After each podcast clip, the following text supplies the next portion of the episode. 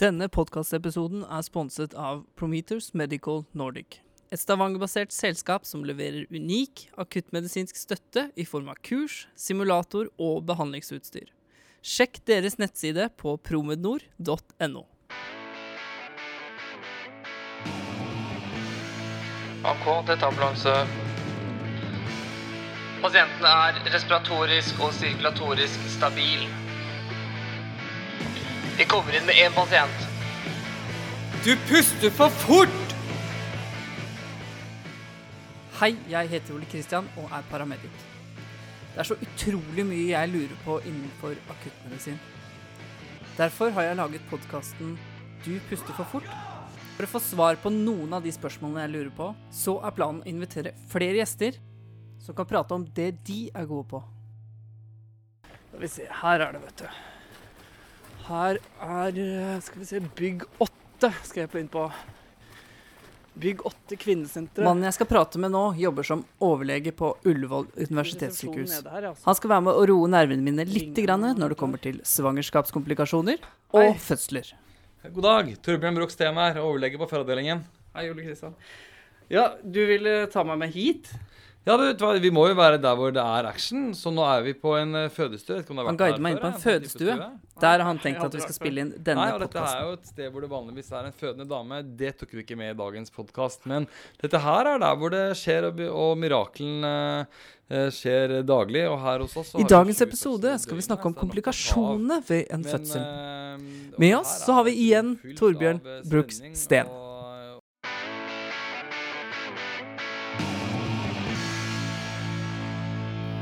Hjertelig velkommen til en ny podkast av Du puster for fort. I dag så er også Torbjørn med oss. Du har vært med oss eh, to ganger tidligere. Eh, Vi skal prate om eh, nok en gang fødsler, men vi skal prate om når fødsler kanskje ikke går så bra. Ja.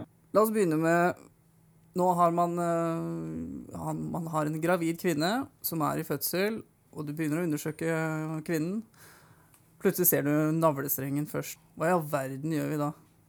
Ja, altså det, det er jo slik at de aller fleste som eh, føder, føder jo superfint og ikke har noen problemer under fødselen i det hele tatt. Men det er jo en grunn for at noen utdanner seg til å bli fødselslege, at ikke vi bare har masse jordmødre. Og det er jo nettopp fordi man kan komme i vanskelige situasjoner. Eh, og det du snakker om der, som heter navlesnorsprolaps eller fremfall, det er en, eh, en situasjon som heldigvis er sjelden. Eh, hvis det skulle være en dame til termin, førstegangsfødende, med et barn i hodeleie, så vil jeg si at den situasjonen der er ekstremt sjelden. Men du kan f.eks. få det hvis du får vannavgang hos en som er prematur, altså et barn som er under 37 uker. Eller du kan få en situasjon hvis det er et eh, ustabilt leie, altså med andre ord kanskje et hode som ligger på skrå, eller et seteleie, eller noe lignende. Eller du kan få den situasjonen eh, hvis det er en dame som for f.eks. har sitt femte barn og skal føde femte barnet sitt, og da ligger ikke barnet i posisjon. Det du skal gjøre, er å tenke følgende. Dette barnet puster gjennom navlesnoren. Så det er navlesnoren som må være løs. Altså med andre ord, et hode kan ikke klemme på den, for det da er eh, null tilførsel av oksygen til barnet.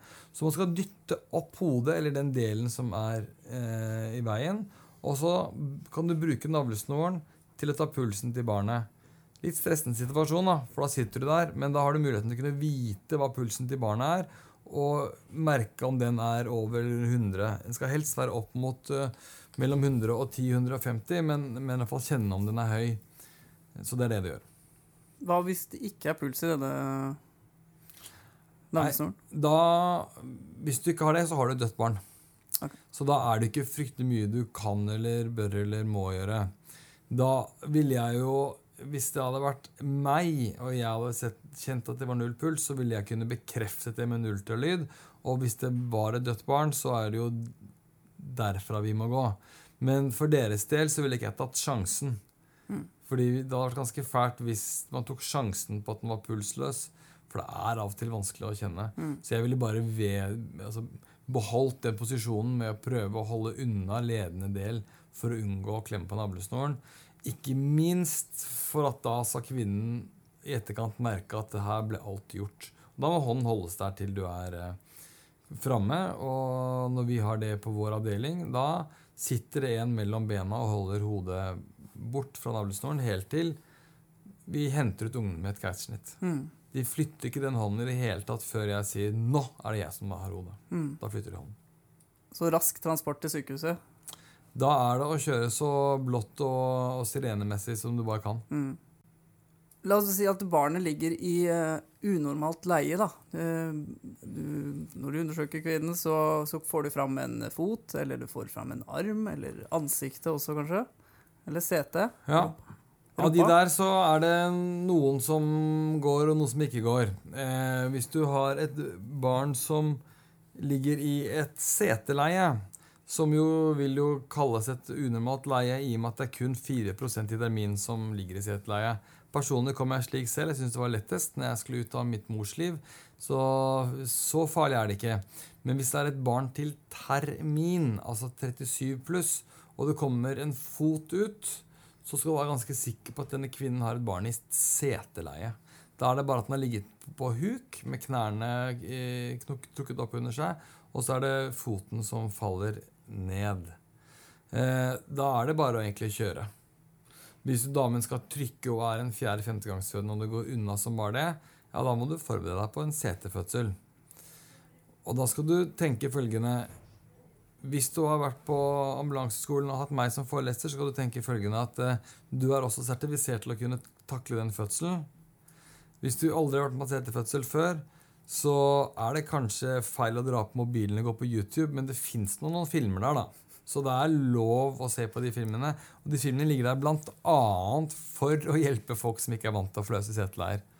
Så du kan ta en kjapp titt på det. Men kanskje ta det før man, eh, før man er i den situasjonen. Hvis du blir kalt inn på en dame som eh, er femtegangsfødende med erkjent barn i seteleie, og hun har presserier, så la den som ikke kjører bilen, slenge opp YouTube-filmen. Så har du fall, eh, har du i hvert fall gått gjennom litt i hodet ditt. Kanskje du skal ta opp telefonen nå etter den podkasten her, Torbjørn. Enda bedre. Gå inn på YouTube og søke på Nei, da er det bare å søke på Breach Presentation. B-r-e-e-c-h. Eh, så finner du noe. Du må vanligvis logge deg inn, da, fordi du vil ikke få lov til å gå på YouTube uten at du har logget inn med, med Google-konto. Men når du har gjort det, så, og har et barn med fot ut og har trykketrang, så er det egentlig bare benet trykke på vanlig måte. Men aldri dra i det benet. Aldri gjør det. Det virker kjempefristende. Ikke gjør det. Da får barn oppslåtte armer, og da må dere virkelig gå på YouTube for å finne ut hvordan du skal få, få, få løst det. Men det er altså en vanskeligere forløsning enn hvis du lar barnet komme av seg selv. Så barnet skal bare egentlig gli ut Gli ut selv. helt normalt. Mm. Og så når du kommer til skuldrene, så skal du gi en vridning på barnet som gjør at du får vridd skuldrene ut. Det er ikke alfa og omega, men det er den letteste måten å få skuldrene ut på. La så barnet henge faktisk etter halsen, slik at den får strukket hals og hodet får krummet seg inn i, i fødselskanalen, og så vippe hodet ut. Og mange vil jo kanskje tenke der at herregud, barnet får ikke puste. Barnet puster hele tiden med navlesnoren, men det slutter å puste med navlesnoren idet navlesnoren er født, og det er den jo når, eh, når navlen har passert eh, fødselskanalen. Okay. Så når det har skjedd, da er det faktisk eh, Da begynner klokka å tikke. Mm. Men hør nå her. Klokka tikker, og hvis det er et sprekt barn fra før av, så har du faktisk fire minutter på deg på å komme helt i mål. Og det er skikkelig lang tid, altså. Fire minutter. Så det er skikkelig lang tid. Så det, det kommer til å gå. Og hvis det er en så rask fødsel i seteleie, ja, da er det en drømmefødsel. Da kommer det til å gå kjempegreit. Hva med eh, foranliggende morkake? Placenta previa? Ja, det er man, ikke en man begynner å få rier, og så hva, hva i all verden gjør man da? Jeg kan love deg en ting. Det, det går ikke an å føde gjennom den. Nei. Jeg har gjort ganske mange keisersnitt hvor jeg har forløst barn gjennom en morkake, men eh, da har jeg kirurgiske instrumenter for å få det til. Mm. De som har placenta previa eller foranliggende morkake, de vet om det. De har vært til en screening ultralyd, og de har fått beskjed om det. De har også fått beskjed om hva de skal gjøre hvis de begynner å blø. Og det er eh, å komme rett inn, eventuelt gjøre det via dere, at det er dere som kjører fort inn. Er det uansett blodmengde da? Nei, hvis hun har en lett blødning, eh, mindre enn mens, så syns jeg de kan, kan klare, klare å komme for egen maskin og egen bil. Men hvis det er slik at det blør mer enn det, så er jo det en ubehagelig situasjon for en vordende far å sitte bak rattet ved. Og alt som har med blod og graviditet, er skummelt for alle. De som har foranliggende morkake, de forventer det lite bitte grann, så de pleier å ta det med ro, men det er klart det er skummelt. Og dere kan ikke gjøre noe annet enn å kjøre til oss. Eh, eh, og det er ingen måte dere kan få stoppet den blødningen på. Eh, det vi ofte gjør, er stort sett å vente og se. Hvis det er en dame som er mot termin, eller i hvert fall har mot den keisersnittsdagen, så bare fremskynder vi keisersnittet. Hvis det er en dame som ikke er egentlig ved termin ennå, men kanskje uke 27-28, ja, da avventer vi og ser, og ser på mengden blødning. Men, eh, men, eh, de fleste syns nok at det er litt skummelt med en stor mage og pågående blødning. Men disse pasientene her, blir de lagt inn tidligere på sykehuset, eller er de hjemme også til, til termin, og så ser man det an? Ja, de er hjemme, de er hjemme, og så pleier vi å gjøre et keisersnitt på de et eller annet sted mellom tre uker og én uke før termin. Eh, på disse med morkakeforanliggende. Mm. men de er hjemme fram til det. Det hadde vært et kjedelig svangerskap hvis de må ligge inne hele tiden. Men hvis man begynner å få rier, da? Ja, Da kommer de med en gang. Og ikke, da er man to og en halv time unna sykehuset. Er det noe medikamenter eller et eller annet som kan gjøre at de, for, å bremse eller stoppe dette? her? Nei, det er egentlig ikke det, skjønner du. Dessverre. Eh, det fins noen medisiner som kan stoppe rier. De, de fins. De skal ikke dere ha i noe prehospitalt, selv ikke i, i, i um, Legene der ute skal heller ikke ha det i sin bag. Uh, og egentlig ikke jeg heller. Jeg skal ikke gi noe stopp ristoppende medisiner på en dame som blør. Det kan være kroppen som sier fra at her, vi, her skal det ut. Så da er det egentlig bare å, å kjøre fort. Eh, skal det sies da at det går stort sett veldig bra med disse damene også. Eh, men det er ingen måte å få barnet ut på annet gjennom et keisersnitt, og da kreves det at man kan utføre det. Mm. Prematurfødsel, er det noe spesielt vi skal tenke over der? Ja, For det første så har eh, Hvis man går helt eh, ned forbi uke 28, da, altså under uke 28, så vil 40% ligge i seteleie. Det kan være en meget vanskelig fødsel. Eh, det beste er selvfølgelig å hindre den. Og da er det jo igjen å få kjørt fort til sykehuset for å kunne stoppe triene, og det gjør vi ganske ofte. Hvis det er langt unna sykehus, og her er det fødsel Dette kommer til å skje, så må dere jo få luftambulansen dit og, og få anestesilege. Eh, og få barnet fort på sykehus. De barna som kommer prematurt i tidlig tidspunkt, de skal også pakkes inn i plast. Dere har vel, De fleste har vel med en sånn type Tror jeg i både ambulanser og helikoptre så har man med en sånn type plast. I forhold til varmekonservering? Ja. ja. Man skal ikke begynne å tørke det barnet. Det, det, den fuktigheten skal være der, men den skal ikke trekke varme fra barnet med at eh, det, Så det, plassen er for å holde på fuktigheten. Hva er grunnen til at fuktigheten skal være Nei, for den skal holde, holde varmen. Og, og eh, hvis du tørker barnet først, så er det ofte veldig sånn sart hud på disse veldig premature. Så det er farlig å tørke det. Og når du får dette vannlaget med denne, denne plassen rundt, så er det den beste. Og selvfølgelig varme håndklær osv. Så, videre. mm. så Så er det det aller, aller beste. Mm. La meg si da at jeg har eh, normalt svangerskap, um, og så uh, føder man veldig tidlig, prematurt. Så er det dødt barn når du, når du kommer ut. Hvordan, eller når, skal man begynne å tenke at uh, dette var for tidlig? I forhold mm. til eh, resuscitering? Ja, altså eh, Det å at kvinner føder døde barn, det er dessverre en del av uh, virkeligheten og sannheten. Og det er jo alt fra at man har en senabort til en ekstrem prematur, til at man dessverre føder barn helt over termin. Eh, hvis det er en tidlig fødsel, og det kommer ut et barn som er sikkert dødt, altså det er null puls, det er ingenting, så er det jo sjelden så lett å komme til mål. Men dere vet jo aldri helt, for dere har ikke registrering av fosterlyd. Og hvis hun kjente bevegelse for litt siden, så er det aldri feil uansett å forsøke med litt resuscitering. Og eh, hvis det er et barn uten puls, så skal dere mest sannsynligvis tenke som så at dette barnet kommer ikke til å overleve. Eh, og da må man tenke komprimering og, og, ventilering. Hvis det er et barn som kommer ut og har slapt, og det er heldigvis en vanligere situasjon enn at det er dødt, så er det eh, en vurdering om det skal resuscitere. De aller fleste barn kommer seg ganske fort etter kort tid og trenger egentlig bare stimulering. Gni det på ryggen, eh, knips det under fotbladene. altså rett og slett Litt sånn smertestimuli for at de skal kvekke seg opp. Hvis de ikke viser tegn til at det eh, våkner til da, etter eh, ett minutts stimulering, så må man vurdere, og da er det pulsen man vurderer. På et barn som er nyfødt, så skal pulsen være over 100 for at det skal være et sprekt barn. Og har et barn puls under 100, og beste måten å gjøre det på, er å bruke stetoskop selvfølgelig, og høre etter, eventuelt å kjenne over hjertet til barnet og telle etter.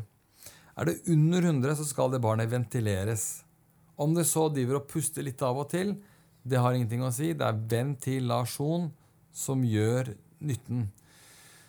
Det er mye tøffere å ventilere et barn som er 33 uker eller 27 eller 24 uker, selvfølgelig. Men, eh, men uansett så vil nok eh, barnets mor sette veldig pris på at man gjør det man kan. Mm. Når det er før uke 34, så er lungene ikke modne. Det er den tidspunktet vi kaller eh, og Derfor så vil vi alltid stoppe alle rier før uke 34. Men faktisk kommer man over uke 34, så stopper vi ikke rier. Da lar vi kvinner føde. Og det er 37 som er termindato. Eller terminstart, kan du si. Mm. Uh, man har gjennomgått en fødsel, normalt, uh, og så Eller barnet har kommet ut, uh, og så begynner man å blø. Ja, og da kommer man til det som heter stadium 3 i, i fødselen, og det er forløsningen av morkake. Og når man begynner å blø, så er det jo slik at en kvinne som har født og har en eh, vanlig blødning, hun blør en halvliter pluss-minus. Og en halvliter med rent rødt blod, det kan virke fryktelig voldsomt på alle rundt. Men det er forventet, og kroppen skal kvitte seg med den halvliteren. Ikke at den må, men, men det er forventet at det kommer. Mm. Eh, hvis det blør mer enn det, så kan det virke veldig voldsomt. Og kvinner som blør mye etter en, etter en eh, fødsel, kan det blø over liter, opp mot to og tre osv. Og, og jeg har til og med hatt en eh, gang en, en postpartumblødning, som det heter, hvor det ble tilkalt traumeteamsleder på Ullevål, hvor, de, hvor han kom løpende fordi av en eller annen grunn så ble han koblet på den callingen. Og han uh, mistet helt hodet. Hadde aldri sett en som blødde så mye. Så han var jo helt sånn Nå må vi ringe intervensjonsradiolog, og nå må vi he hente inn hele arsenalet. Og, for han hadde aldri sett en slik mengde blod. Uh, mens jeg satte med senkede skuldre og var litt sånn Kan ikke jeg bare få jobbe i fred, så kommer vi til mål? Hvor mye er det snakk om da? Nei, For den pasientens del så var det jo over to liter. Ja. Så for all del, jeg tok ikke lett på det, jeg heller, men dette var en del av hverdagen min. For deres del så er det slik at hvis det er slik at hun blør mye, se om placenta løsner.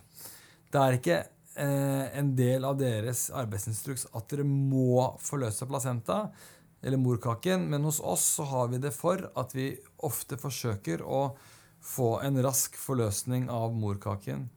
Hvis det blør veldig og morkaken er der fremdeles, så skal dere prøve å få den ut. Fordi det den gjør, at den er med og opprettholder eh, en viss strekk til livmor som gjør at disse blodårene som tilfører morkaken med blod, de står åpne og blør. Nå snakker vi pulsårer. Så det viktigste er å få morkaken ut og få den livmoren til å trekke seg sammen. Hvis barnet er ute og det fremdeles blør mye, så vil det være riktig å forsøke å stimulere livmoren med å massere den utenifra. Det går an å være veldig kreativ og få barnet til å forsøke å amme, eller til og med klype brystvortene litt, for det vil faktisk stimulere oksytocin, som er det som skal til. Og som jeg sier, hvis det er slik at det blør så mye at en traumeteamsleder vil være redd, så har ikke dere de medisinene jeg bruker. Og da er det riktig å gjøre, liksom, å gjøre en bimanuell kompresjon. Og da går man inn og forsøker å trykke livmoren mellom en knyttneve som er i fødselskanalen eller i vagina, og hånd utenpå magen. og rett og slett komprimere de blodårene mellom. Og da må man sitte der til man kommer inn faktisk eh, til sykehuset. Og da Det er, kanskje man, det er noe, kanskje noe man kan se på Google òg, eller? Ja, Det finnes i hvert fall eh, bilder av det på Google. ja, sånn at det, Jeg tror ikke du finner noe YouTube-film, det vet jeg ikke. Men, men, det er verdt å se etter, fordi at det, eh, igjen så er det noe med at eh, mange av dere som eh, driver prehospitalt, dere er ganske praktiske. Og hvis dere tenker at det er et organ som blør, som man har muligheten til å kunne nå fra to sider, ja, da er det bare å klemme fra begge sidene. Mm. Så det er det som er eh, tanken. Siste spørsmål. Når vi ankommer øh, sykehuset, hva slags informasjon er viktig for deg?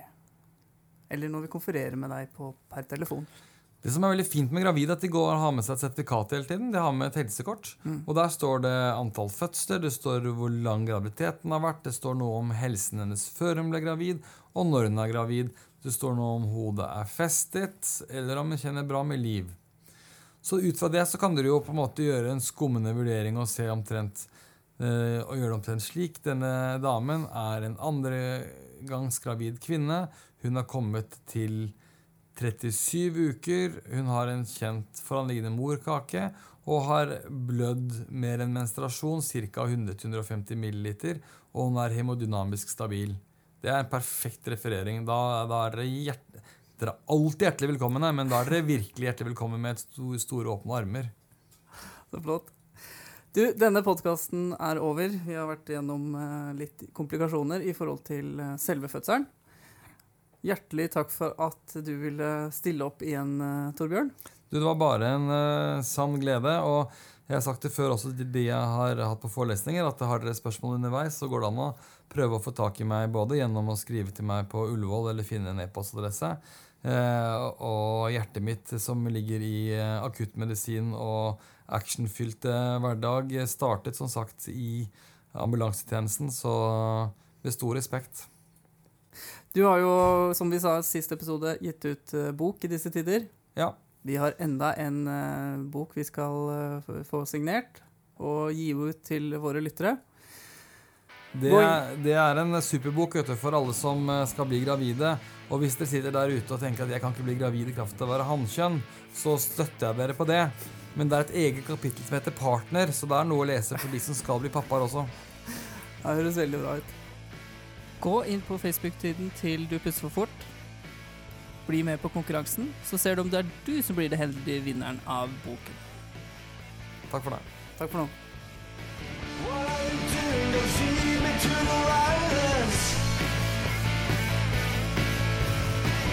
can't control me You. anymore With ways makes me sick I don't